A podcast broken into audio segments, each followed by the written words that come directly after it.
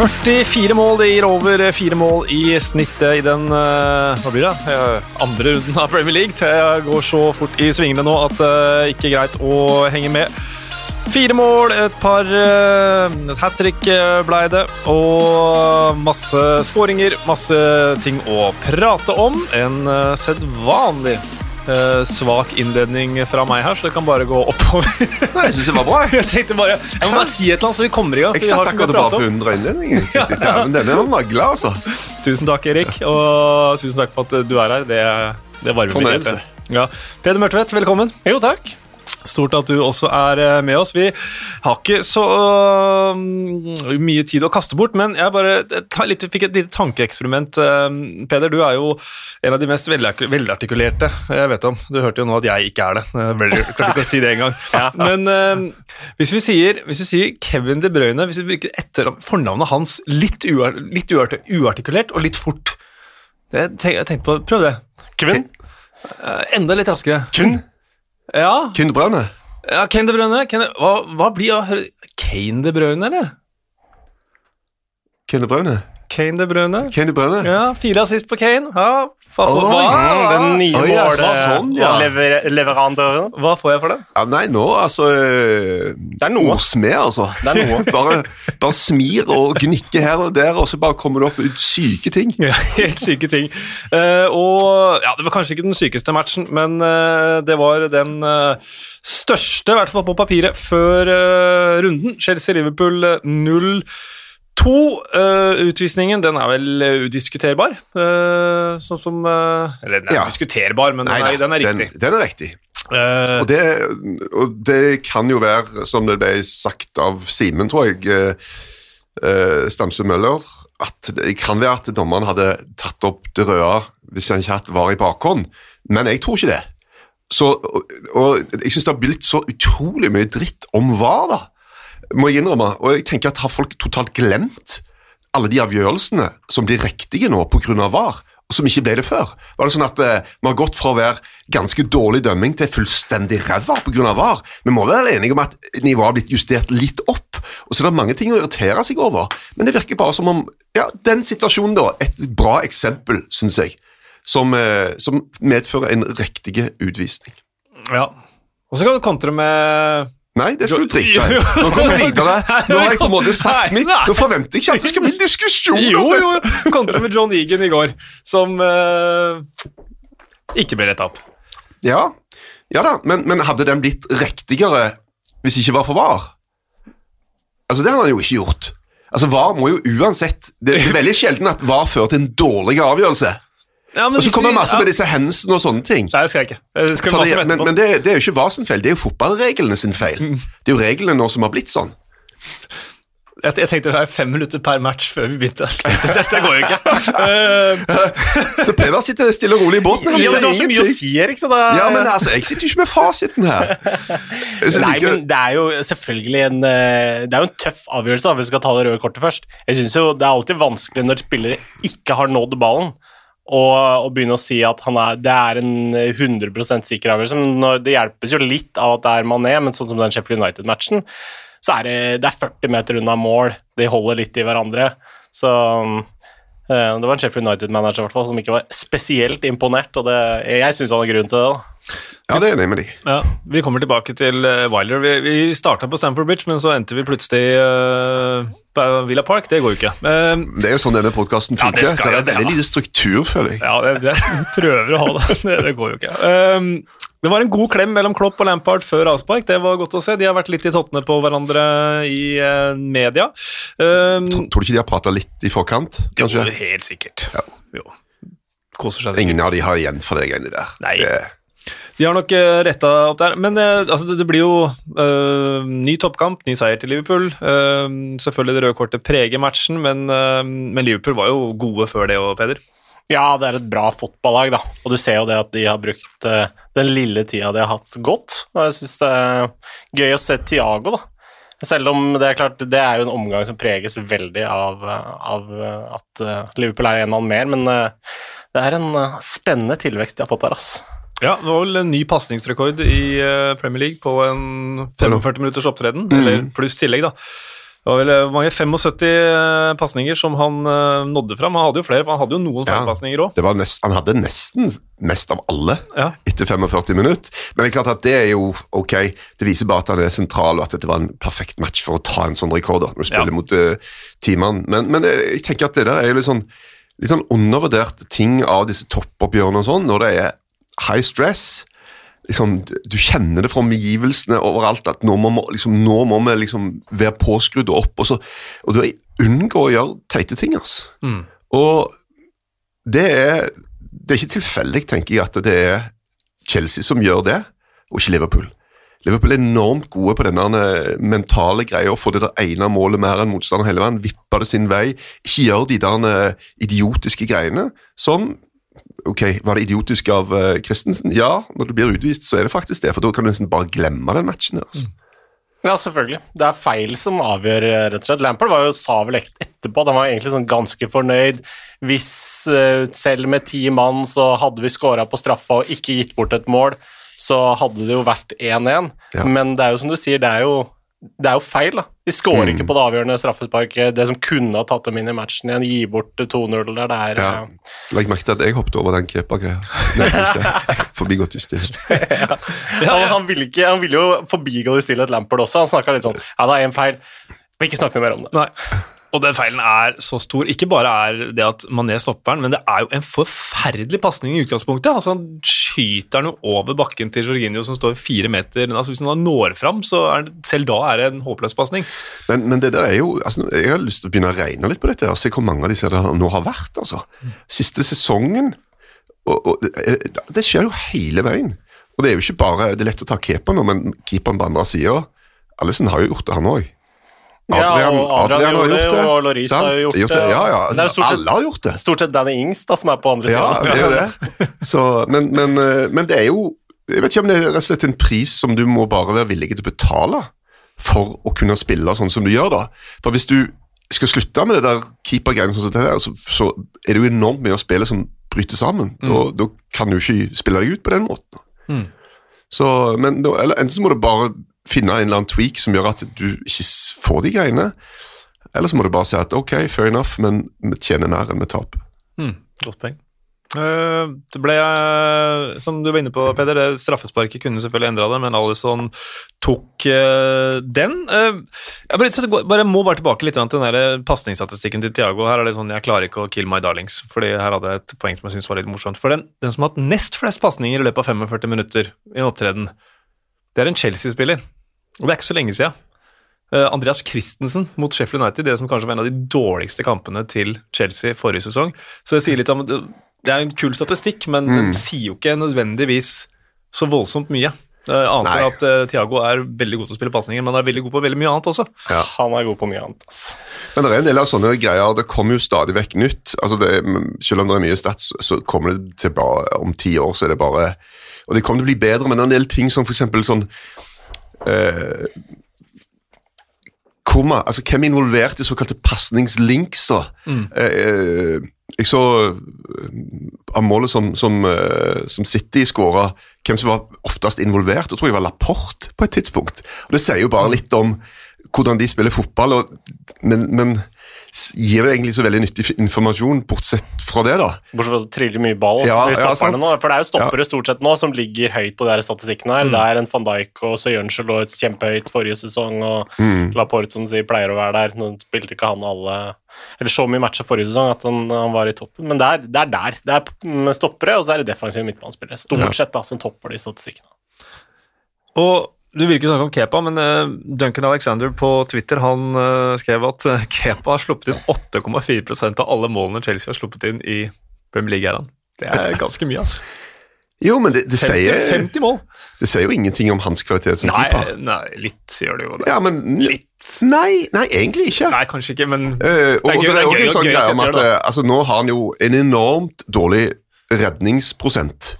Uh, fra de siste Jeg tror jeg regnet ut uh, ah, siste 20 matchene eller noe sånt, så har han jo uh, veldig, veldig dårlig. men det, det, sier heller ikke nødvendigvis så mye om han som keeper. Altså, Du, du vil anta da at han har vært ræva, ja. men det er ingen garanti for det. F.eks. alle disse langskuddene som han slipper inn. Du ser på noen av de de er ganske bra skutt, ass. De klinker i krysset, noen av dem, så er det noen som er litt dodgy, da. Ja. Men, men vi skal Altså, Alison kom jo inn i denne matchen her og hadde hatt tre avslutninger mot. Alle hadde gått inn. Ja. Sant? Så det går an å finne sånne greier, men over tid da, så vil kanskje reflektere bitte litt. men, eh, men Chelsea eh, eh, Det er jo noen lag som, eh, som gir fra seg store sjanser, da. Mm. Sant? Ofte lag som presser veldig høyt.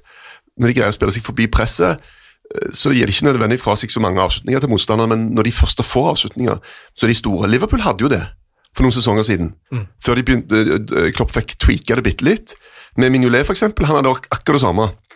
Enormt mye gikk inn, og så har de fått van Dijk på plass og en del andre greier som gjør at eh, de har fått det der greiene ned på et eh, helt annet nivå. Mm. Skal jeg ta, ta og bake sammen to spørsmål fra Twitter her og servere de på et fat til deg, Peder? Eh, Marius Sørensen han spør bør Klopp bruke Fabinho som stopper fremover.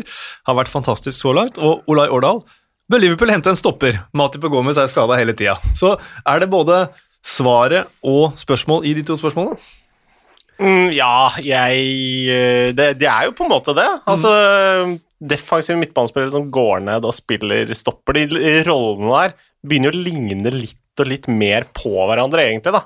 Du ser en Didi er nede nå for Leicester og gjør det samme med Fernandinho hele fjor for, eh, for City, så Fabinho er jo en fullgod erstatter på mange måter. Mm. Og så om de skal hente en ny stopper eller ikke, det tror jeg ikke jeg skal legge meg bort i. Det virker, som- virker som Klopp har god kontroll. Hvis du har to stoppere som er mye skada, så kan jo de på en måte bytte litt på, da. Og være skada? Ja. Passe på at de er Kontrollere Kontrollerer litt sånn. Men altså, med Fabinho så god i den rollen, da, og Thiago inn som sentral midtbane, det kommer selvfølgelig litt an på kampbilder og alt mulig sånt, så, så har man jo kanskje en intern løsning uten å måtte gå ut og hente en. Altså, man løste både det å oppgradere midtbanen og samtidig Ja, skaffe seg en ekstra de, stopper med Thiago. De, de trenger ikke gjøre eh, mye, altså. Det virker som eh, Liverpool eh, igjen har god kontroll på hva de holder på med. Lot Timo Werner gå. Han ser jo veldig bra ut, men det er klart at det hadde jo vært problematisk for han å få sånn uh, gjenspilletid i, i den gjengen der, uansett, sånn Mm. som de funker. Um, men jeg må jo si det at han uh, Han tror jeg ble bra et kjøp for, for Chelsea. ass. Ja, helt opplagt. Kvikke bein, ass. Det er eh, virkelig. så trommestikker på den karen der. Men det er eh, interessant som du sier, for det der med spilletid og Begynner å tenke på Shota nå også, som går dit fra Wolverhampton. Sånn, ja Spiller jo nesten, nesten da, i anførselstegn, men samme elveren hele tida. Så um, han må jo ha en plan om å begynne å røske litt oppi det der, men eh, hvordan det kommer til å se ut, det blir, eh, det blir gøy å se. Svaret på det kommer jo øh, veldig snart, for det er kamper tett som hagl, og spesielt for Tottenham, som var en tur i Bulgaria. Der øh, klarte de å snu en 0-1 til 2-1, og på St. Mary's så snudde de 0-1 til 5-1, som ble til 5-2. Så nå har de snudd to kamper på rad, Erik, Ja, under Mourinho. Tenk det! var, Og den Bulgaria-matchen var for, for signalene ramler jo ned. Ja. TV-signalene og streamesignalene. Så eh, det, de kokte jo eh, på min SMS av folk når plutselig de Bulgaria-gjengen tok ledelsen 1-0 mens dette sto på. Så var det sånn Altså, jeg har et par sønner som er de har Tottenham, og det var Det var, gikk jo hett for seg, altså. Men eh, to røde kort og litt sånn, så snudde det jo.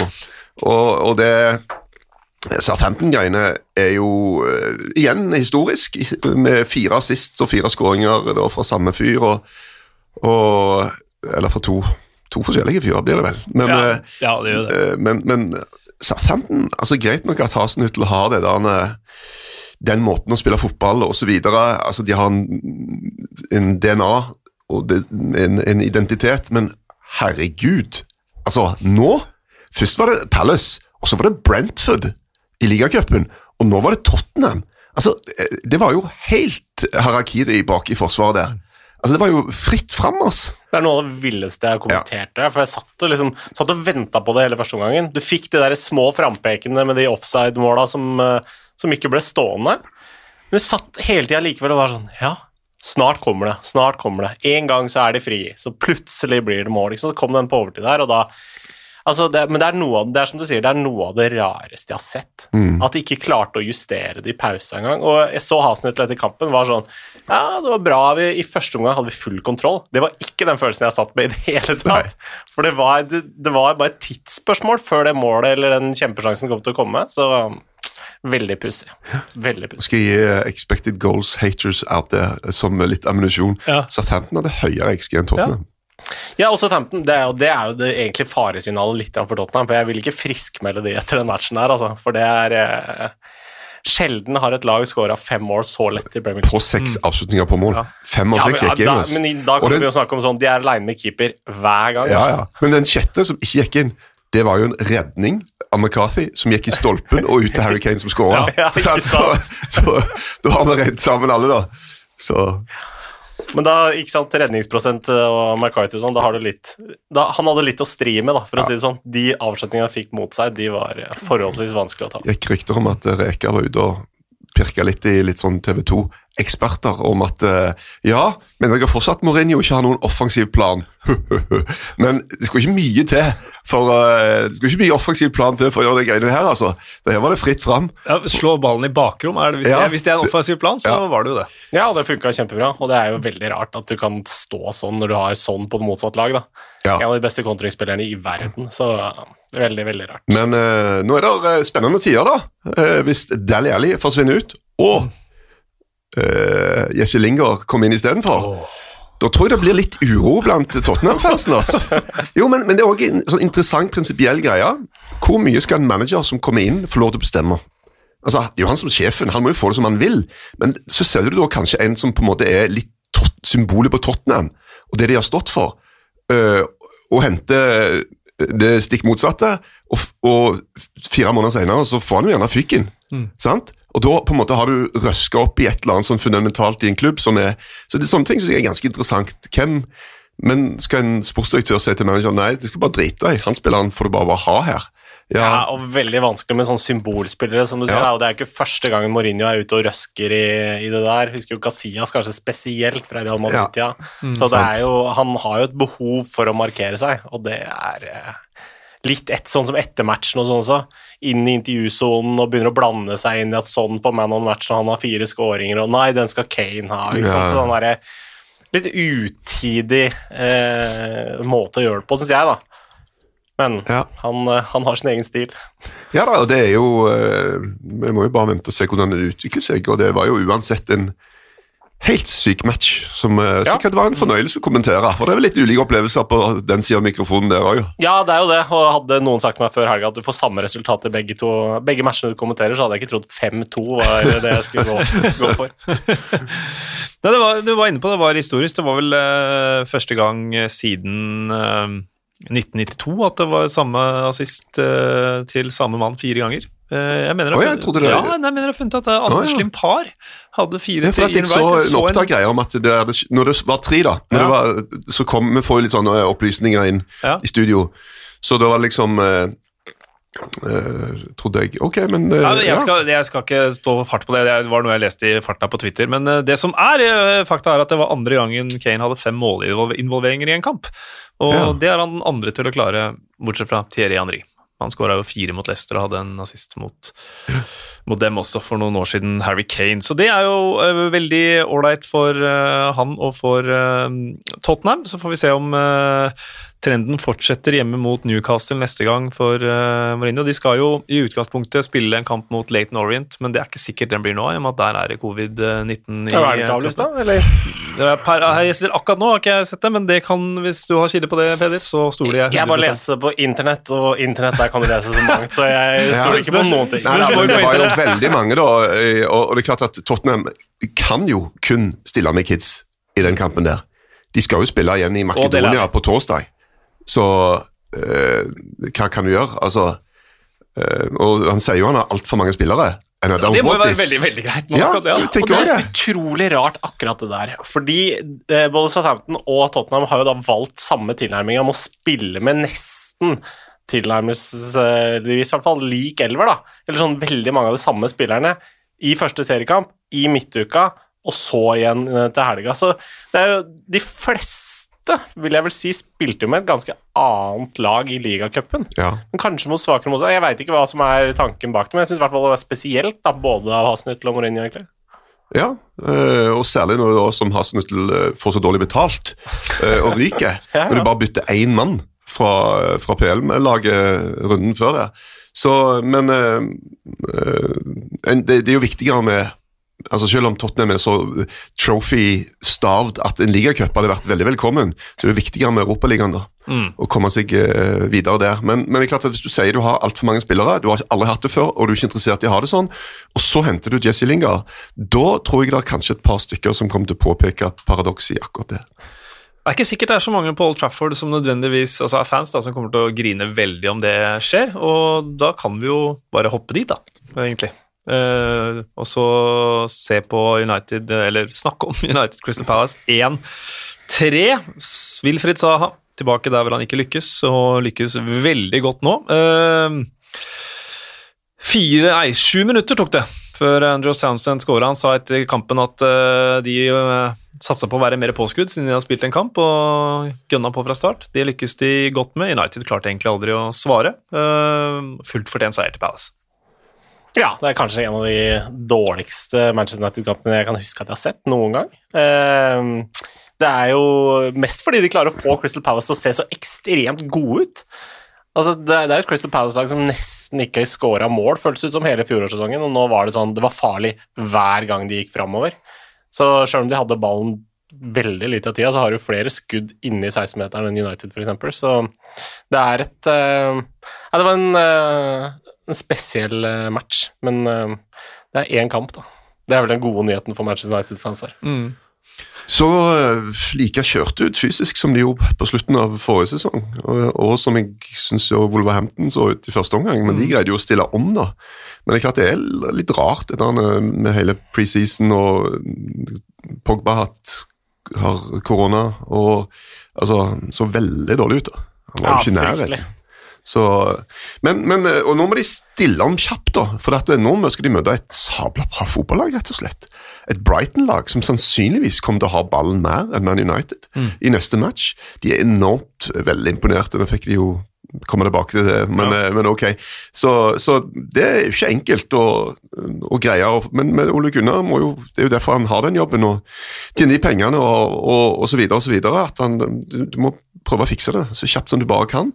For dette var en grusom start.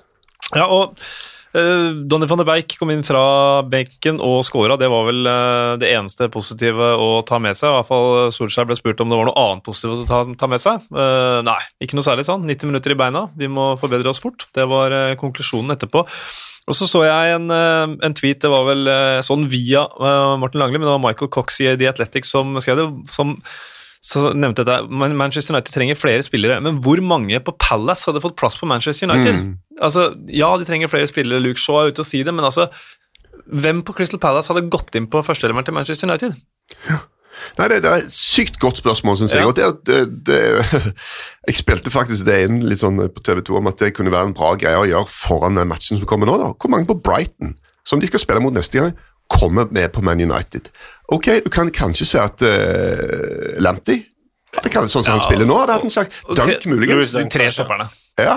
Både Webster så, og Ben White, sånn som jeg syns er bedre enn men, men, det, så, det, det, men bortsett fra det. det alltid det der sabla hyl av nye spillere. Altså, De holder på. Det tar aldri slutt. Altså, Uansett hvor mange som blir kjøpt, så We need two, three more players. We need Altså, Det blir helt matt, altså. Mm.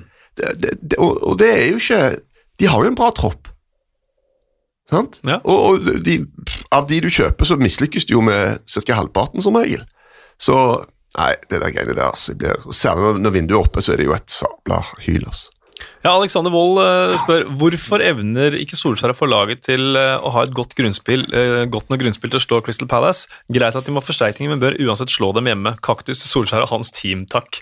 Og Solskjær gjorde det veldig bra i sommer, det så litt flatere ut på slutten. Ehm, nå kommer spørsmålene igjen, og du er inne på de har en tøff kamp mot eh, et veldig velspillende og Brighton full av eh, selvtillit. Ehm, hvis de ikke vinner der, eh, så begynner det vel igjen. Ja, det er jo en sånn klubb at så fort det er Altså, ett tap så er det litt krise, og to tap på rad så er det full krise. Det er jo litt naturen i en storklubb, da. Men uh, de, de, må komme seg fort, altså. For det var, uh, det var fryktelig, fryktelig. Og da spesielt defensivt. Da jeg vet jo du Erik har snakka litt om at Manchester United egentlig er ganske bra defensivt. Mm. Men det så jo virkelig ikke sånn ut nå, for det var jo egentlig bare å spasere gjennom, så det ut som hver eneste gang. Mm. Nei, og det, det, ser ut som det egentlig er, tenker jeg, er, litt sånn fysisk og mentalt overskudd. Når det ser ut som det er litt sånn tungt å spille fotball. Mm. Du, du sleper deg litt fram. Altså, det er ingen eh, Pasningene går akkurat litt for seint. Eh, initiativene kommer litt sånn fordi du må gjøre det. Ikke pga. at du liksom at du, du, Det faller deg naturlig, og bevegelsene spillerne imellom og sånt. og det eh, så, så en, en, må da på en eller annen måte greie å Spørsmålet er skal en trene litt hardere? Skal en trene litt mindre? Altså, Hvor, hvor er han henne? Er det, skal han trene taktisk? Skal de bare få lov til å slippe de løs og spille five-side og få tilbake fotballgleden? Altså, Det er en del sånne greier da, ja. som, jeg, som, jeg, tenker, for, for, kontrasten er så veldig stor. Det har jo vært en gjenganger med Ole Gunnar. Enten veldig bra eller veldig dårlig. Ja. Og nå, Hvis de nå er på vei inn i en veldig dårlig periode igjen, så er det eh, krise. Mm. For da ryker denne sesongen uh, i ligaen veldig kjapt. da, sant? Og, og det, det hylekoret Man United er en så svær klubb. Du, det, det, er så mange stemmer som blander seg inn, mm. at det blir veldig veldig mye støy. Ja, Vi snakka litt om det når vi hadde disse podkastene før sesongstart, at det United må unngå, er de der bunnivåene som de hadde mot Newcastle borte forrige sesong og Burnley hjemme forrige sesong, og så kommer de i aller første, første seriekamp mot Crystal Palace. og da så er det jo en mann som sitter et eller annet sted uh, med analysebrettet og har lyst på jobb, og som ikke har fått det ennå, Maurizio Pochettino. Så lenge han er arbeidsledig, så, så, tenker jeg at spekulasjonene vil være der. Og tenk nå, tenk nå scenarioet Jesse Lingard og Deli Alli bytter klubb. Ja. Og så er Pochettino redd på markedet. Hm. Ja. Og det er litt sånn, det, Vi har litt sympati for det en del spillere som får eh, litt sånn lett å hate. da en del spillere som bare blir sånn du ler litt av i, og Jesse Linger har jo havnet i den kategorien, og det er jo sannsynligvis litt urettferdig, da. Altså, Han er jo en veldig, veldig god fotballspiller, men sannsynligvis ikke god nok til å spille i en storklubb, mener jeg. Nei. Er synd med de der, altså han, Nå har jo han blitt symbolet da, på ting som ikke funker. Ja. Akkurat som Fellaini var det før han. Sant. Og Fellaini også det, Jeg så en, en tweet med liksom mange av de avgjørende øyeblikkene som Fellaini har hatt, eller hadde da i Manchester United. Det er, det er jo massevis. Mm. Gjorde jo masse bra. Men det, alt glemmes, ikke sant? for han ble bare sånn Ja, det er Moyes sin mann. Han som bare er god på huet, han som ikke kan spille fotball, han som ikke kan løpe fort nok. Så det, det er som du sier, det der er Det er så uendelig mye mer gråtoner enn uh, enn det kan virke som, da. Der du enten er dårlig eller er god, mens du sannsynligvis er ja, et sted midt imellom. Ja. Så har vi ikke snakka om Hensen på Lindeløf, men uh, tror ikke vi orker det. det er, uh, Chris Wilder sa det vel i et intervju at han uh, har vært i fotball siden han var seks år, og han skjønner ingenting. Så hvis Chris Wilder ikke Nei, men, men reglene er jo da tydeligvis Nå har de satt ned en standard, sånn skal det være. Men, men jeg tenker at altså, Disse klubbene er jo blitt milliardbutikker. De har et syke støtteapparat, de har analyseteam. De jobber så ekstremt for å få disse marginal gains, små greier, som skal vippe det din vei. Og så har du en regel som bare er totally altså, Hvis det bare skjer et lite uhell, så er du fucka. Altså, Nesten som i, som i Champions League-finalen, som du gleder deg til, og den hypen når den holder på, og så er det avgjort etter 23 sekunder. Ja, og så er det jo, det er jo eh, Vi var jo ikke innom det på Tottenham, men det var jo akkurat samme type hens der også. Ja. Eh, og eh, problemet her er jo straffen mot forseelsen. Ja. Der forseelsen er knøttliten, ja. men straffen er blytung. Og det er jo det som alle kommer til å synes er Det er der problemene ligger. Det er akkurat som hvis du kjører 10 km for fort, så skal du plutselig sitte et år i fengsel. Ja. Altså, the punishment doesn't fit the crime, da. Og det er, det er der dette her ligger. Mm. Og de har jo skrudd til litt nå. Nå er det sånn at ok, Robin Koch på, på Leeds, som får et skudd i kneet, og så spretter han opp i hånda. Og Det mener jeg er så sabla uforskyldt. da. Og da er det liksom Ok, det er et, det er et mål. Og det, det, det, er så tilfeldig at jeg tenker at det, det kan ikke være riktig. da. Den regelen må de faktisk endre. Og igjen, det har ikke noe med VAR å gjøre. Det har med reglene å gjøre. Det har ikke noe med VAR å gjøre. Uh, Mark Lattenberg han hadde bare Jeg sa vi ikke orka å prate om det, så ble det fem minutter, men uh, så, sånn er livet. Uh, Doherty han mente at den er riktig.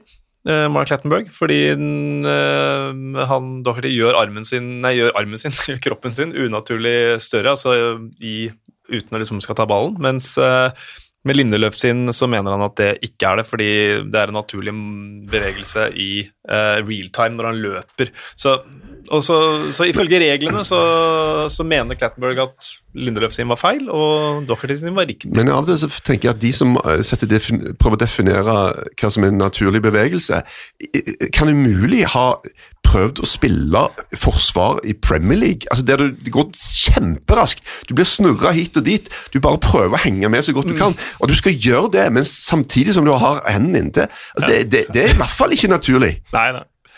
Nei, jeg, jeg, er jo helt enig i det. Uh, men uh, vi får komme oss uh, videre. Så var det noe greier med Harry Maguire og Crystal Palace. Han hadde ikke Jeg tror han har spilt ni kamper mot dem og vunnet én, eller noe, så det er ikke favorittmotstanderen hans. vi kommer faktisk tilbake til Palace. Bill Edgar er tilbake i dag, bare så dere veit det. Everton, West Bromwich 5-2. Mercyside, der svinger det nå i den blå delen også. Dominic Calvert-Lewin med et skikkelig spiss-hat trick. Uh, alle skåringene fra rundt uh, femmeteren pluss-minus. Du hadde den kampen òg, du, Peder? Ja. Sitter bare og skummer fløten. Ja, det var deilig. Tidlig ferdig, og alt var bra. Ja, Nei, men det var, det var moro, det. Det var jo gøy å se for Ta det positivt for West Bromwich en del først. Både med Diangana og med Pereira, som presenterer seg litt. da. Mm. De gutta som man har gleda seg til å se, og som begge to leverer strålende skåringer.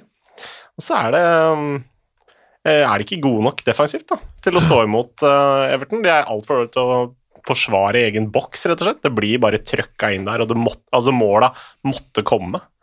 Og um, det er klart, Cavett Lewin som scorer fra Jeg tipper det er rundt seks meter til sammen, nesten. Mm. Men headinga er jo kanskje seks meter aleine, og de to andre er 10 og 20 cm eller noe sånt. Ja. Så nei, det er uh, moro. Moro med unge engelskmenn som får sitt første hat trick og stas. Ja, og gøy med et uh, Everton-lag som, uh, som, leverer bra, da. For mm. det er jo en, en, stor klubb som har prestert altfor, altfor dårlig mm. ganske lenge. Og det er jo kjekt når, de, når det svinger litt av, av, Everton, og du tenker at ja, dette kan bli ganske høyt, altså. Mm. De kan havne de kan bli topp seks, faktisk. Ja, de er definitivt Europaliga-outsidere, og kanskje Champions League også. Man veit jo aldri hvordan det der utspiller seg. Sånn som det så ut i fjor, hvis poengsummene blir like lave igjen, så er mm. definitivt kapable til å ta 66 poeng, eller hva du trengte. Mm. Så var det Ancelotti har lært eh, Dominic Calvert-Lewin én ting, han. Mener han, altså Ikke sikkert mer, da, men én ting han har stressa med Dominic Calvert-Lewin, det er avslutte på én touch. Og, Å holde seg foran mål òg, syns jeg han snammer noe om. Ja, så si to, to, da. to, to, da. For han, han nevnte jo Inzagi som han uh, great striker, uh, Inzagi. 300 goals, 210, one touch. Ikke sant? Så han, ja. Det er jo et uh, poeng. Fire mål på én berøring nå for Dominic uh, Calvert Lewin. vi må jo også snakke litt om om Hames Rodriguez igjen. og Apropos sånne statistikker som ikke nødvendigvis alltid sier noe. altså Hames Rodriguez i denne kampen her, hvor mange sprinter hadde han? Uh, tipper null, jeg. Det tipper du helt rett. Ikke én sprint på Hames Rodriguez. De andre rundt han, de sprinter. Ja. Han bare ligger og strør og serverer. Så du må ikke sprinte for å dominere en eh, fotballkamp, som statistikker kan brukes til mye, og den syns jeg var litt uh, grann morsom. Uh, Slaven Bilica Eh, etter kampen så sa han at uh, veldig mye som kan copy-pastes på det vi gjorde i dag. Uh, det som ikke bør copy-pastes, er jo selvfølgelig Kieran Gibbs, uh, som Bilic selv sier. Han er gammel nok og erfaring nok til å ikke reagere sånn, og han er ikke smart nok til å dette når Rodriguez mm. er borte inn. Det er også et godt poeng her. Ja, han kunne gjort det, og så hadde det vært gult uh, Hames isteden. Det er jo Men det der er jo Det er noe av det dummeste jeg har sett i Premier League ja. ganske lenge også, altså. Fordi én ting er at du eh, at du gjør det, og så er det Gibbs som er en av de få som har vært oppe og spilt Premier League-fotball og landskamper for England. Bare, altså, det var så hodemist som mm. jeg knapt kan huske jeg har sett. Helt skal, utrolig. Skal meningen om at Slaven Bilic òg er gammel nok til å kanskje forstå hvordan du skal reagere, eller? ja, men, altså, kanskje jeg har softspot for Slaven Bilic, men han, uh, han sier jo han, Det er ikke noe banning, det er ikke noe Nei, men han, han får beskjed om å pelle seg unna, og han gjør det ikke. Han følger etter han. Men jeg er helt enig. Ja. En, en dommer i en sånn situasjon bør kunne på en måte gli unna, men det er jo vel Mike Dean, er det ikke det? Jo, jo, jo. Sant? Og det, da, da, blir det sånn som det blir, da. Men uh, det, er, det er, vel en Var det du som nevnte at uh, Slaven Bilic sine lag, Peder, har litt sånn dårlig disiplin, uh, track record? Nei, det tror jeg ikke. men uh, det er jo ikke så overraskende hvis det er sant. Ja. Så han, men Slaven Bilic har jo hatt det når han var på Goodison Park. Det snakker jeg i hvert fall om, veit jeg. For han, den første sesongen han spilte der, så ble han utvist tre ganger. så og andre sesong fikk han ikke spille noe særlig, han var mye skada, tror jeg. Så han, han, er vant til røde kort på Gudisen. Ja. Altså, må, det skal jo sies også at det var ikke sånn at han storma ut til Mike Dean, for de må faktisk gå over banen når de skal i garderoben. Så da mm. møtte dem på veien, og så jeg, jeg, De skulle tilfeldigvis bare samme vei? Motsatt vei, da, men de møttes så litt sånn tilfeldigvis.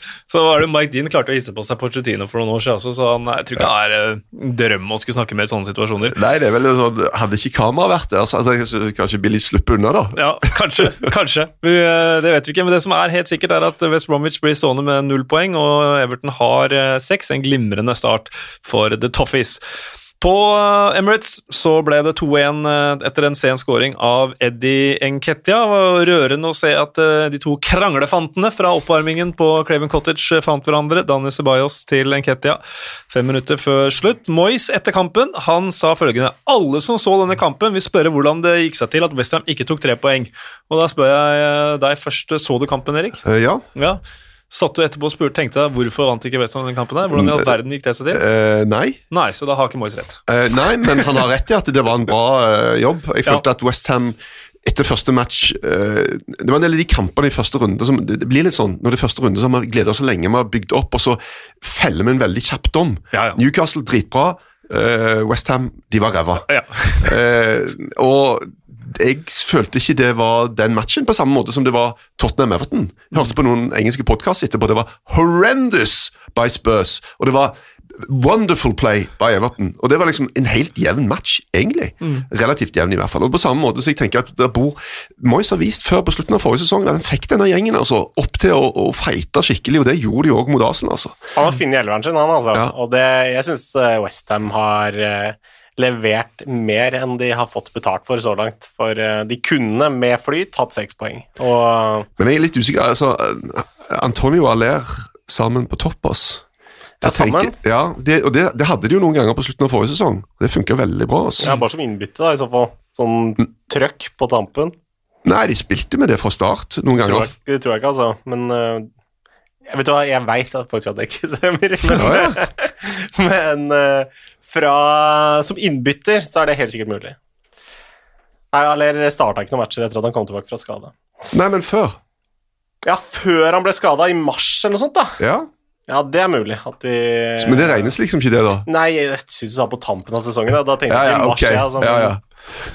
Men, men uansett, da, de, da, spiller de 4-4-2, da. Mm. Og da, har de, da, da, er det sånn at den gjengen bak de kan stort sett konsentrere seg om øh, å på en måte forsvare seg. Så, som øh, Lagerbäck sier, så lenge du har to spisser der oppe som jobber tett sammen, så kan de alltid skape et eller annet. Mm. Og det gjorde Aller og Antonio en del ganger, da.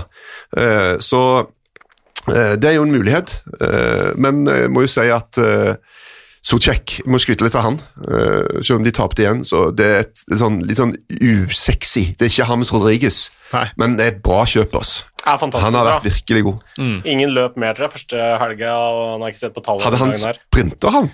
Ja, han har sikkert sprinta, også. og har i hvert fall løpt lengst.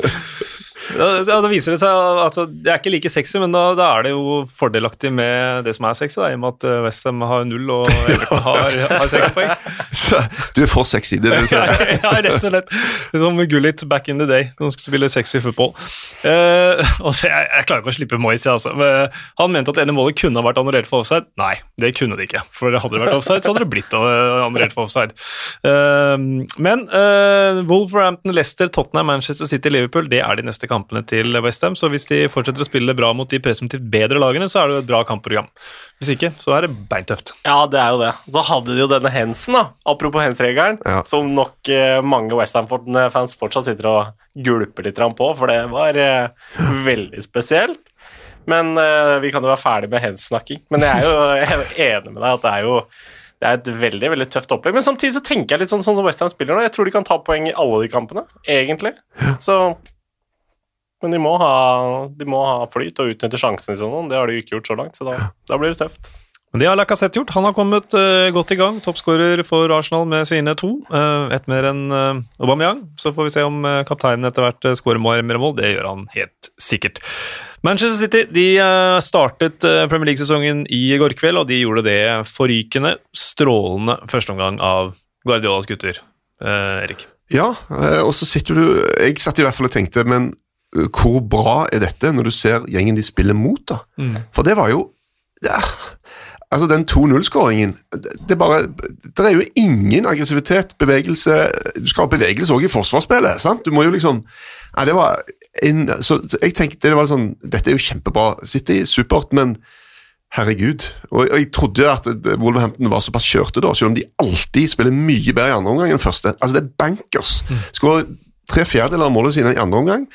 Og, og, men jeg, jeg trodde ut ifra den første omgangen at det ikke skulle bli en sånn forvandling. Altså som det ble. Eh, men snakk om å greie å vende det rundt. Altså. Ja, det var helt sprøtt, faktisk. De var så gode i starten av andre omgang, spesielt. Ja. da, At de kunne jo ha vunnet den kampen her òg. Husker du snudde vel tilsvarende oppgjør i fjor, men da med ti mann, ja. Eh, vel, på, mm. på, City. Og det Da hadde jo ballen sånn helt ekstremt mye, sånn veldig spesiell Guardiola-match for mm. statistikknerds sånn som meg, men uh, det er uh, er veldig sånn game of two halves. Eh, ekstremt stor forskjell. Men eh, kanskje, som du sier, det er størst forskjell på Wolverhampton. Men litt vanskelig å si, for City også ble trøkt så langt tilbake. Det er så vanskelig å ja. Det er så sjelden man ser men, sånn. Men plutselig, så, i andre omgang, så så du uh, liksom det som du tenker at gjør City til litt av et enigma, egentlig, da. Altså, De er så sabla gode framover at de som regel kamuflerer uh, at de ikke er så bra bakover. Eh, men når de da møtte plutselig eh, mye mer motstand, så begynte jo sprekkene å, å, å, vise seg. Og Jeg vet ikke hva som skal være rundens øyeblikk, men eh, på dans som tar en tunnel på Kevin De Bruyne, slår innlegg som uh,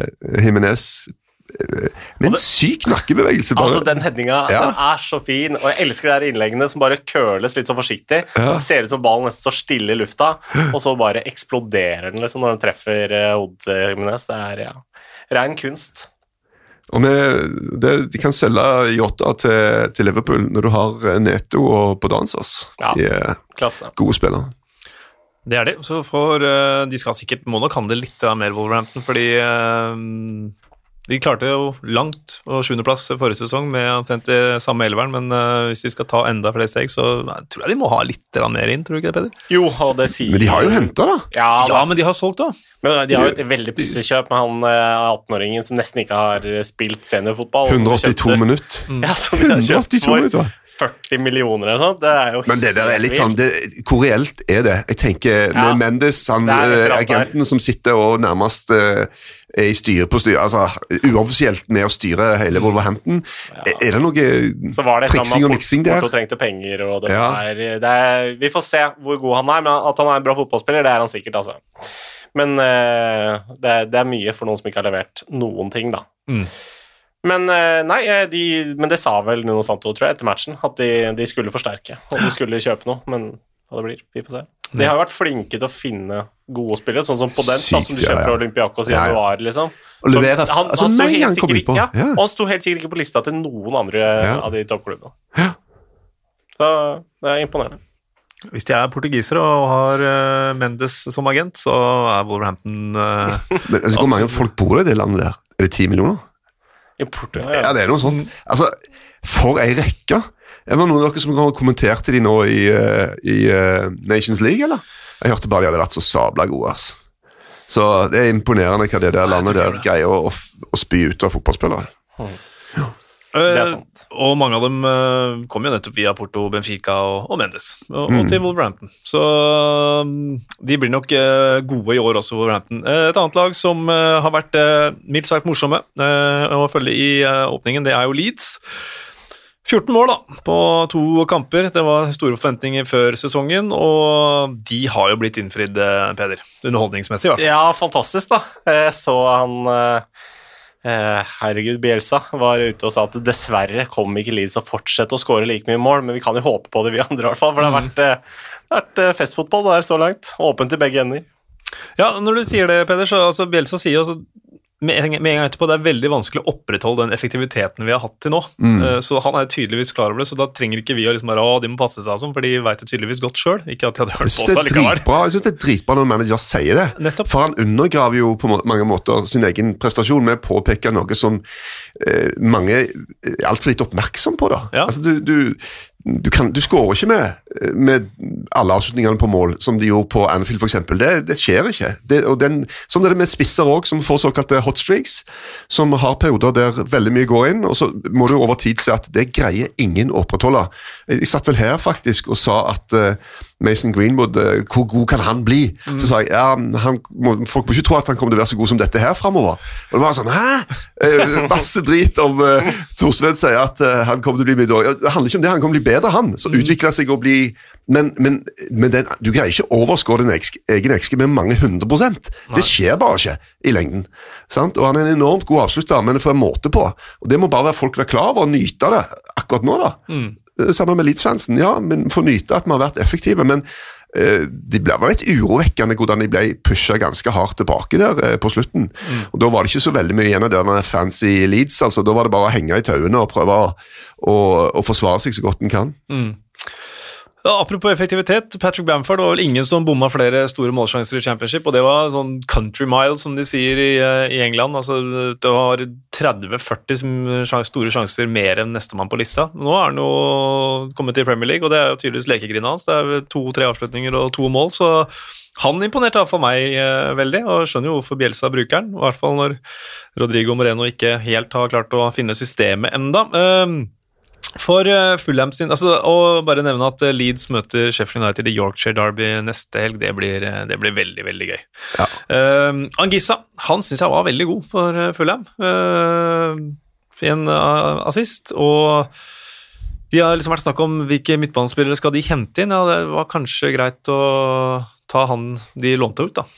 Det var jo i utgangspunktet et eh, veldig dyrt kjøp vel i sin tid, Mm. så det er ikke så overraskende at han er en, en bra fotballspiller.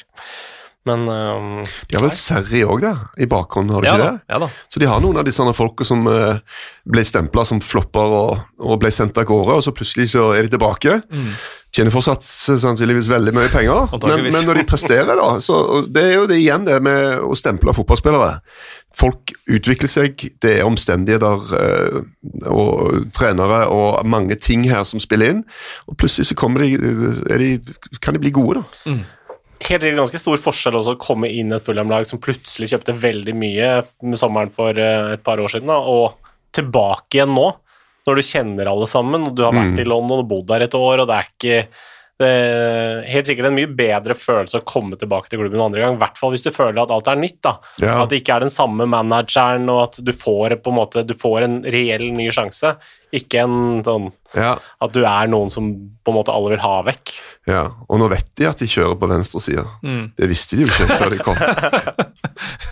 Det den var fin. Uh, Scott Parker, han, eh, han, han har jo den der Jeg vet ikke om dere har sett den fra eh, opprykkskampen mot Brentford, når det er noen som har tatt det han sier, og så putta det sammen med en The Streets låt 'Dry Your Eyes Mate'. Den må dere bare se hvis dere ikke ja. har sett den. Det er helt ellevill. Måten han prater på, er veldig sånn The Streets, han artisten som var veldig stor Ja. uh, i England. Så det er en uh, varm anbefaling fra meg. Eh, samme toneleie nå. Han eh, sa han var bekymra for at varsellampene ikke blinker eh, i oss Fulham. og Da snakka han ikke om struktur, han snakka ikke om organisering, men at man ikke er våkne nok når det smeller da, eh, bak der eller for Fulham.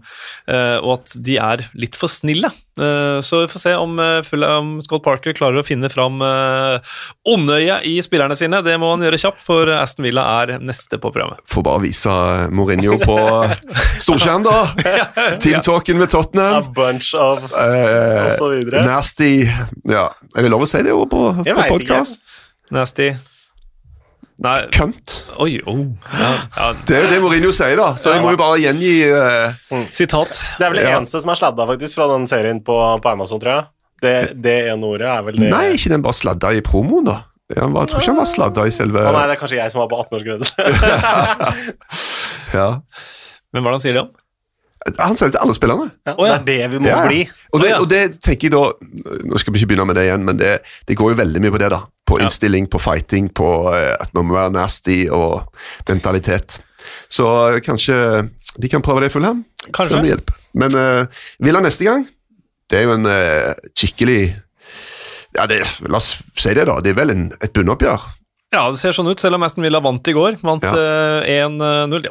Det ble en veldig fin bro, som det heter. Fra det ene til det andre, Erik. Eh, ble jo hjulpet av denne utvisningen som vi var litt innom til å begynne med. Altså Det er uh, Egan og Ollie Watkins som holder i hverandre. Uh, du og Huset var vel ganske enige om at den var uh, streng i går. Ja, og Chris Wilder er jo også inne på et godt poeng, at det er en assistentdommer der som ikke gjør noen ting. Han har jo kjempeutsikt til situasjonen, han foretar seg ingenting. Og som Wilder også sier, de heter ikke linjemann lenger, det heter assistentdommer, og det skal jo være en ja, bla, bla, bla, ikke sant? Eh, men det, det preger jo selvfølgelig kampen. Eh, Aston Villa klarer jo ikke å skape egentlig noe som helst mot ti mann før en uh, dødball ut i andre omgang, hvor Estrid Konsa header inn eh, 1-0. Før det så et av kampens øyeblikk, i hvert fall for meg, var Oliver Burke sin pasning til Chris Basham. Den, eh, den var stor. Eh, hele også- den kontringen. Hele kontringen Ja. var eh, Det var ikke så mye greit å skape, men det der Ja, som ble toppa av den pasningen. da. Det Ja. hadde vært uh, Thiago eller eh, noe sånt. Ja. Ikke sant? Så ja, det der gjør han hver dag i uka. Men det gjør ikke Oliver Burke hver dag i uka. Det, Mest sannsynlig. Det veit vi ikke, men vi, vi tror det. Nei, jeg tror ikke det er godt poeng, Peder. Jeg har ikke vært mye på treningsfeltet til Sheffield United eller West Bromwich eller Ja, Alaves. sånn, når du får en sånn mulighet, da og det er klart at straffe, Jeg, jeg klandrer aldri noen for å bomme på straffe. Helt seriøst. Det er Du kan være uheldig. Dette var ikke et dårlig straffespark. Det var en meget, meget bra redning. Men det er så surt da, for, for Wilder når du får en sånn greie i fanget, og så kaster du vekk og ender opp med null poeng. Den eh, kjenner du i magen. altså. Selv ikke sånne panenkaer som chippes opp i fanget på keeperen, så klandrer du ikke Nei, for at eh, hvis, hvis keeperen ligger i hjørnet, da, så står jo alle og hyller han der sabla Panenka-duden og sier 'se så iskaldt han gjør det, dritbra'. Og det er akkurat de samme fyr, folka som slakter han når han kjører en Panenka og keeperen står og venter. Ja, hva er forskjellen, da? Ja. Han har tatt en Panenka begge ganger. Nå må du pigre slakte han hver gang, da. Ja, gjør det. Ja, greit. Men det er jo et artig poeng med den der eh, straffesituasjonen, da, som eh, også Wilder var veldig opptatt av, var jo Men burde ikke det også være rødt kort? Fordi det er jo en forseelse. Han er ikke i nærheten av ballen. Eh, Matt Target sp- sparker han jo ned, eller feller han på en eller annen klønete vis. Og jeg sier ikke at det skal være straffespark, men altså, det er jo At det skal være rødt er kort, mener du? Ja, eller at det skal være rødt kort, men det er jo en mye mye større sjanse som Bæsja blir fratatt, Mm. enn Jo da, det er jeg enig i, men, men her er det jo Det, det går jo på hva du bevisst Det er jo ingenting her som uh, uh, han, han prøver jo ikke å ta mann. Nei, men det er ikke det som er poenget. Han skal Jo. prøve å ta ballen. Jo, men det gjør han han- jo. Han prøver jo å ta ball. Han er jo ikke i nærheten av ballen. Nei, men han han prøver jo er å ta ball. evighet unna. Ja, men han prøver jo å ta Ja, ball. det er jo et fryktelig dårlig forsøk på å prøve å ta ballen, da. Jo, jo, men, men det er jo ingen eh, altså, eh, På det første så kan du si at det er i hvert fall en bevisst holdning fra begge, tenker. Ja, jeg. Og her er det ingen bevisst felling. Det er, en veldig, det er faktisk en ganske marginal forseelse som Ja, fører til det straffesparket. Sant? Og det å dra fram et rødt kort for det, det hadde vært helt Da hadde det tilta, altså. For ganske mange, og meg inkludert. Bortsett Da hadde jeg det vært helt ræva. altså. Bortsett fra Weiler, han har syntes Ja, ja. det har vært uh, greit. Men uh, kjemperedning av Emilio Martinez, som får uh, en drømmestart på sin karriere i eh, Aston Villa. Uh, Bare gi litt keeperskryt nå, for nå venter de mye lenger. Det, var, det har vært så mange keepere som har gått så sabla tidlig at det har vært så lett å bare rulle han inn andre hjørnet. Og Nå så vi jo at eh, Jorginho med sitt hopp den gikk ikke Alison på, og Martinez i dette tilfellet her. Det er bra gjort. Det er bra. ja, og det, hadde det helt øverst der. altså Straffeobservasjon, kalte jeg det. Uh, Carl Darlow, hvis han hadde stått litt lenger, han hadde tatt straffa til Neil Mopé. Eh, Hugo Lloris mot Danny Ings. uh, Areola mot uh, Klitsch. Altså, du er keeper. Jeg... Alle hadde redda straffen hvis de hadde bare venta. Nei, jo, de, de der, ja. De jeg nevnte nå, de, de hadde de tatt. Eh, Jo, jo, men de hadde jo ikke blitt skutt sånn hvis de hadde venta lenger. hadde, hadde ikke det? Nei, sannsynligvis. Det er det som er greia. Det viser seg at det lønner seg. Det er to teknikker. En så bestemmer du deg for et hjørne, så bare klinker du der. Eh, eller noen bare skyter hardt og bare lukker øynene. Det er òg en måte å gjøre det på.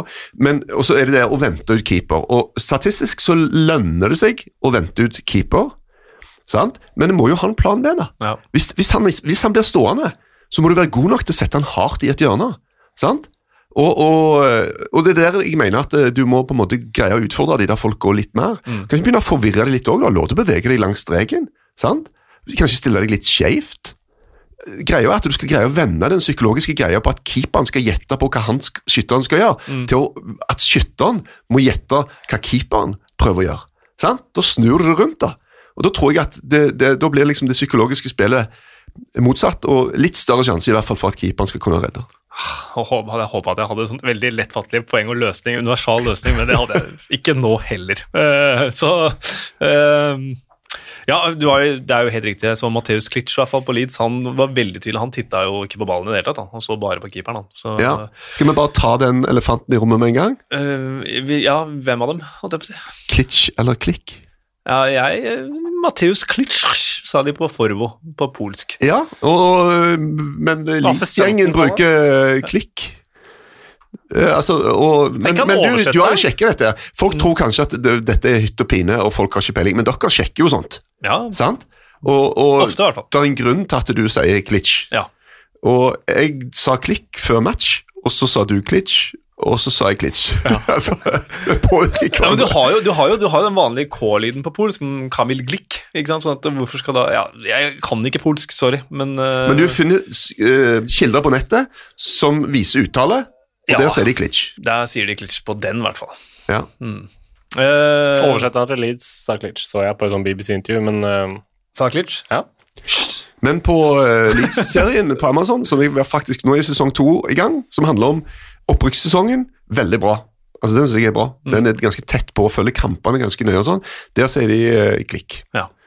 Men uh, who cares? Bra Og spiller, det, i er- hvert og det er mange nok som bryr seg. Men vi ser jo en del av de eh, av eh, østeuropeerne som, som prøver å ha De vil ha den engelske uttalen, da.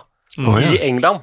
Okay. Husker jo uh, Kolasinac kom jo inn og skulle være Kolasinac, Ja. og, og vil avslutte der. Så det kan godt hende at det er noe han ønsker seg. Eller Så- at så- han snakker, vil tilsnakkes på den måten. Så, så dere begynner å si Solskjær nå? Det er det neste? Det, er, Ollie. Ollie, Ollie, Ollie. Ollie. Ollie. jeg har ikke kommentert noe i det så Det blir Ollie fra nå av. Eh, Herre min hatt, det er så mye! Newcastle-Brighton 0-3. Uh, kjempekamp av uh, Brighton. Igjen Tariq Lamptey helt ellevill. Uh, the hype is real, er det noe som heter. Don't believe the hype. Jo, believe the hype. Uh, for en uh, skatt av en høyrebekk Lamptia, er involvert i absolutt alt som er for Brighton.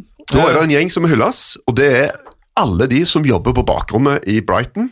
Eh, Det er jo sannsynligvis ikke Graham Potter som har stått her og tenkt at han der Lamptey, han eh, Eller eh, Så da er det Altså, de, Tony Bloom er jo Brighton. Han er jo en gamblingfyr som i utgangspunktet har flere hundre folk som ikke gjør annet enn å sitte og se på fotball, med odds og sånne ting, men òg i forhold til rekruttering og finne skjulte diamanter. Og det å finne noe sånt eh, fra en toppklubb, da, Ja. eh, og, og få han for fem millioner pund, hvis det stemmer, er bare helt sykt. Altså, Da har de gjort en så bra jobb at det der er Det, det må bare hylles, altså. Og så kan du Ja, men hvorfor gjør Chelsea dette, og ræva de har drept seg ut og sånn? Ja, men ok, de har hatt han i systemet veldig lenge. og De har full oversikt hva de har internt, og ser at eh, kanskje Reece og andre er mener vi er bedre, og det er helt fair. Men det er vel- likevel veldig bra for, for Brighton å få en sånn som de sannsynligvis da har greid å utvikle på den korte tida de har hatt han i klubben. Ja, for Reece James er ganske god, han også. Han er det. Ja. Um, så han var, måtte jo dessverre gå av med det som virka som en sånn liten skade, men eh, forhåpentligvis så er han eh, tilbake mot eh, Manchester United. Newcastle, Feder, Peder, du hadde dem i den første kampen, kan det stemme? Nå mot Westham? Det kan helt sikkert stemme. Ja. Uh, og Husker jeg, husker ikke. jeg glemmer alt. Nei, det, det er det, altså. Men uh, det var Nei, og, og da Det var jo litt sånn som vi var inne på i stad med Westham, at det var jo en veldig jevn kamp. Den kunne jo bikka begge veier. Det, det var litt sånn første målet vinner-type type match. Men eh, jeg hadde vel kanskje ikke trodd at de skulle ryke 3-0 mot, Altså, eh, mot Brighton. så, så, altså, det var så klasseforskjell. Brighton, det opplegget de, de Det ser ut som de har så god tid. Det var veldig lavt tempo i den kampen. da. Og de, Brighton fikk bare styre det. Fin kombinasjon av å bare tre gjennom ledd i bein til folk som møter på en måte i mellomrom, og det å hele veien ha de der små chippene som truer i bakrom. Mm. Så enormt uh, herlig spill. altså Graham Potter har gjort en superjobb med det der laget der. Altså. Fantastisk, og det er så gøy å se manager som på en måte Du ser hvordan han utvikler laget, da, utvikler spillere. Det er en uh, han prøver rett og slett bare å forme en helt ny identitet med Brighton. Ja. Han har jo lykkes veldig godt med det. og Det var en brutal start forrige sesong, da. Ja. Da du plutselig skal gjøre sånne kjøttspillere som Dunk og Duffy og sånn til liksom ballvirtuoser. Det er, ikke, det er ikke noen enkel oppgave, men han har gjort det. Og veldig, vært veldig bestemt på at det er sånn vi skal gjøre det. Så har det ja. vel blitt litt mer direkte kanskje etter hvert, men Ja, de er veldig flinke varierer i hvert fall. Mm. Og det må du ha. Du må kunne ha denne bakromstrusselen, så de liksom er litt usikre. Må tenke bak seg og kanskje bare trykke så enormt opp og tette alle mellomrom. Og så er det jo et lite problem for Man United, da, og at en av de beste midtbanespillerne i Premier League vil jeg påstå, er ute. Mm. Bizuma har vært altså han, har, han har blitt god, altså. Virkelig. Så han ble utvist, får vel tre kamper på den. Og det er et slag, for at uh, han er blitt uh, veldig sånn styrende for det laget. Ja, og, og, litt av symbolet på det skiftet som du er inne på, Peder. altså At uh, Davy Prepper nå var kanskje halvskada, og Dale Stevens de kommer ikke inn på det laget der. Nå er det Steven Alsate og, og Iver Bizuma som er langt mer ballspillere enn de to førstnevnte. Uh, ta utvisningen til Bizuma. Uh, ja, han sparker Jamal Lewis, det er hevet over enhver tvil, og Lewis så groggy ut han gikk ut, så vi håper det går bra med han. Men eh, jeg så en, eh, en, gjennomgang av violent conduct. Eh, altså voldelig hva, hva, blir det på norsk? Eh, voldelig oppførsel? Voldelig oppførsel, eller farefull oppførsel, hva det er for noe. PGMOL, PGMOL, det er jo det i Premier League. Da er det rødt kort hvis det er klart bevist at man øh, slår eller sparker motstanders hode, ansikt eller øh, nakke uten Altså uavhengig om man mener det eller ikke. Så intensjon ute av bildet. Det, derfor, derfor, får Bizuma rødt kort her. Mm -hmm. Men IFAB, der er det violent conduct hvis en spiller uh, forsøker, eller bruker eller forsøker å bruke overdreven uh, styrke og brutalitet når du ikke går etter ballen. Mm. At Bizuma går etter ballen, det mener jeg er hevet over enhver tvil her. Han prøver å ta ballen, han er uheldig. Uh, når han strekker foten opp sånn, så kan det, det, er jo ikke i hans hjerne at denne kan treffe han i skallen. Altså det, det, selv for han så er dette en veldig rar, og unaturlig bevegelse som han ikke gjør veldig ofte. Mm. Det er ikke hver uke på trening du driver og strekker foten opp sånn som det der. Altså. Så, så det, er bare ikke i barken at du kan treffe han midt i nøtta, altså, som han jo da gjør. Og åpenbart veldig lei seg etterpå også. Hadde dere greid å få foten så høyt? Aldri i livet. Ikke på den måten. Ja, jeg jeg, jeg, men jeg har i hvert fall ikke fått den ned igjen.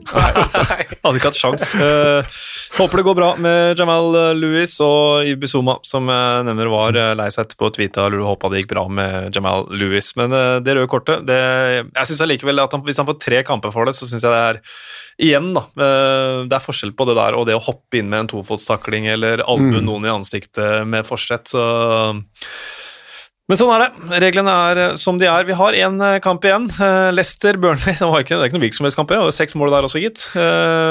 Leicester de skåra fire mål. Daish han var fornøyd med måten de angrep på. Det hadde han jo grunn til. De skåra jo to mål og hadde flere store sjanser. Men det er et Burnley-lag som er Uh, depleted, altså det er jo bare på tannkjøttet allerede fra start her nå. Gudmundsson ble skada i ligacupen, så de må nok ha spillet. Jeg syns det ser litt sånn skummelt ut for Tarkovskij og Ben Mee når de er vekke, altså. Ja, altså veldig skummelt uansett. De har ja. jo en så tynn stall. Altså det er jo, Der er det vel uh, Var det fire-fem mann eller sånt i den troppen totalt sett, inkludert han som starta, som ikke har spilt Premier League-fotball. Mm. Og, og, det er uh, Det var jo litt sånn på tampen Uh, også om de tok jo en del poeng allikevel, da. Men på, på, sommersesongen der så sleit de jo med mye av det samme. Alle de der rutinerte spillerne som har forsvunnet ut med ikke noe kontrakt, de har ikke henta noen ting, og det er bare uh. Ja, og Dyche er jo uh, tydelig veldig veldig misfornøyd. De driver jo på en litt ja. spesiell måte i, Burnley, da. Mm. Uh, og de har et sånn lite, eget lite økosystem som uh, går der. Men, uh, men det er klart Dårlige resultater er jo det beste du kan ha når det gjelder å få brukt penger. da. Ja. Før vinduet starter. Ryker de òg neste gang, så kommer det nok noen greier inn. Men, men ok, hvis vi ser at Fulham og West Brom er favoritter til å gå ned så er det liksom Sånn som jeg ser det, så og det er de. Jeg tenker at det skal, de skal godt gjøres hvis de greier seg. Det er ikke umulig, men sannsynligvis tror de de ryker. Da er det én plass igjen. da. Ett lag til som skal ned. Og det er mange av de andre som ser ut til å være ganske bra. Altså. Ja, Så Burnley kan være en kandidat. Møter Southampton neste gang, som også kan rote seg ned i den miksen igjen, sånn som den har sett ut eh, til å begynne med. Og så slenger jeg også Westham inn i den der hatten på Ja. de som ser ut som de svakeste til nå. Jeg tror jeg eh, Southampton eh, ikke trenger å frykte altså, har vel, Son og Kane spiller ikke på Burnley, gjør de det? Nei, De det har, er De har ikke så mange sånne litt sånn kjappe bakgrunns... Rodriguez har brukbar fart. Ja, ja. Chris Wood kan jo slå noen bakgrunnspasninger. Det- Ja, Hedda noen bakgrunnspasninger. Han skåra for øvrig sin fjerde kamp på rad, Chris Wood. Uh, Leicester, bare ta det mm, til eh, på tampen av gjennomgangen her. De eh, imponerer eh, med fire nye mål og kommet veldig godt i gang igjen.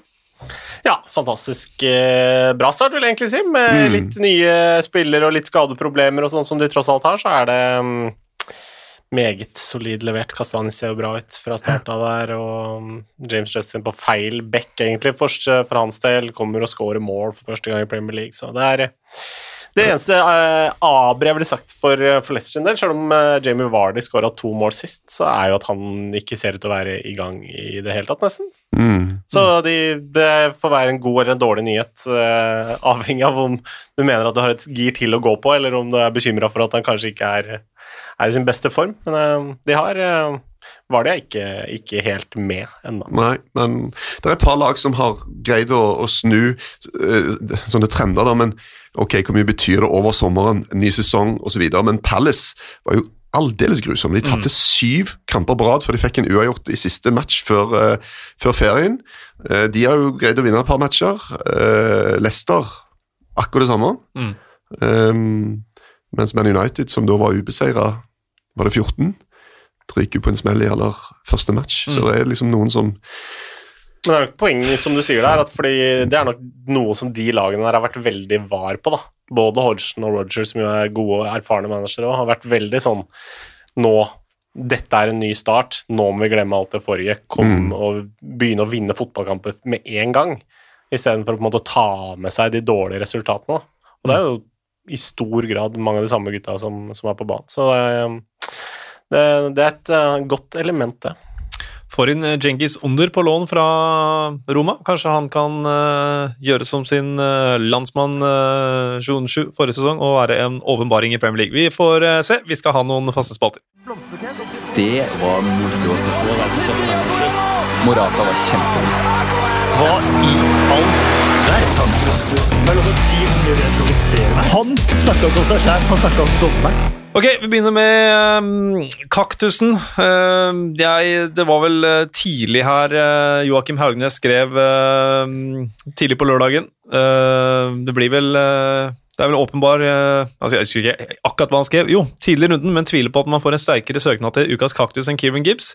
Uh, og så kom jo Slaven Bilic utpå, og Dean ga ut det røde kortet, så det kom jo et par uh, nye forslag rett etterpå. men Uh, jeg syns i hvert fall Kieran Gibbs er en god kandidat. Har du noen andre kaktuser? Ja, Han får jo så mye drit som det er, så jeg tenker at, eh, at Kanskje Han bryr seg ikke kanskje så mye om han får en, en til? Nei. En kaktus til? Nei, bare legg den på toppen av alt det andre. ja. Vi kan jo gjøre det. Ellers så er jo, hvis vi skal utafor banen, da, så kan vi jo dra inn uh, Patrice Evra der. Som satt i Sky Sports studio og Ja. dro fram dette gamle eh, og veldig dementerte ryktet om, om eh, Saha og dattera til Moyes.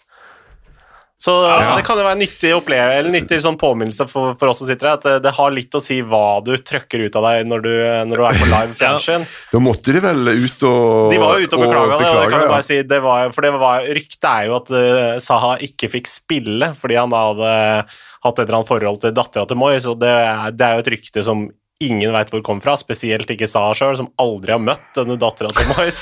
okay. Så det er, eh, det er veldig veldig dementert, og Mm. veldig rart at det skulle dukke opp igjen nå. Så det får være en liten nominasjon Ja, min Er det er kanskje god. noen som vil gitt en kaktus til Queens Park Rangers? For de har jo da stoppa å gå ned på kne i denne markeringen. Mm. Når, eh, det gjør de ikke lenger.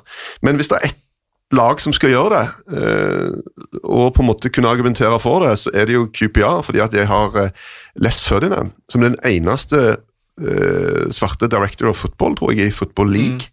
Og det er han som på en måte argumenterer hvorfor de gjør det.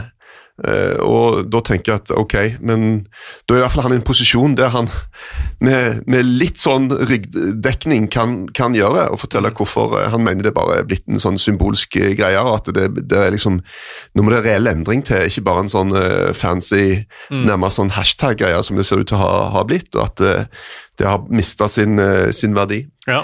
Så, og Jeg var litt overraska når de så at de kjørte videre på det denne sesongen. Uh, og Det er jo en sabla viktig markering, men spørsmålet er er vi nå sånn at det oppnår noe. Skal den gjøre det da, som til så mange sier, vi må holde på med det til vi har fått reell endring? Mm. Men det kan ta mange år. altså. Ok, sier de, ja, men da må vi gjøre det i mange år. Fair enough. Men Les Ferdinand mener i hvert fall at dette her uh, ikke har noen hensikt lenger. Mm. Så er det vel sånn at nå har de fikk melding av Kasper i går at det er No Room for Racism som er markeringa. Det er ikke Black ja, Lives Matter. Nei, for det, Black Lives Matter er vel en egen organisasjon ja. som jeg tror innebærer også en del andre elementer som noen mener ikke skal inn i dette her, osv. Mm. osv. Det er ganske mange Kick It Out er jo en annen organisasjon som jo jobber veldig konkret med, med rasisme i, i fotball. Mm. Um. Så det må jeg ha fortsatt fokus på, og så får vi se om, eh, om eh, QPR og Les Ferdinand om, om, det sprer seg, eller om det blir et enkelt, en enkelt klubb som tar det standpunkt. Vi får se. Jeg syns den utenomsportslige kaktusen var eh, ganske fin, ja, Peder, så den uh, gir vi til Evra. Så kan jo Gibbs få en uh, knot av han også, som uh, ikke klarer å være smart nok til å dette når han blir uh, verten her. Han kan få en marihuanaplante som man kan kose seg med i, i karantenetida. Han har noen uker. ja, det, det, kan han òg. Men da ryker han kanskje på en eller annen test, da. ja,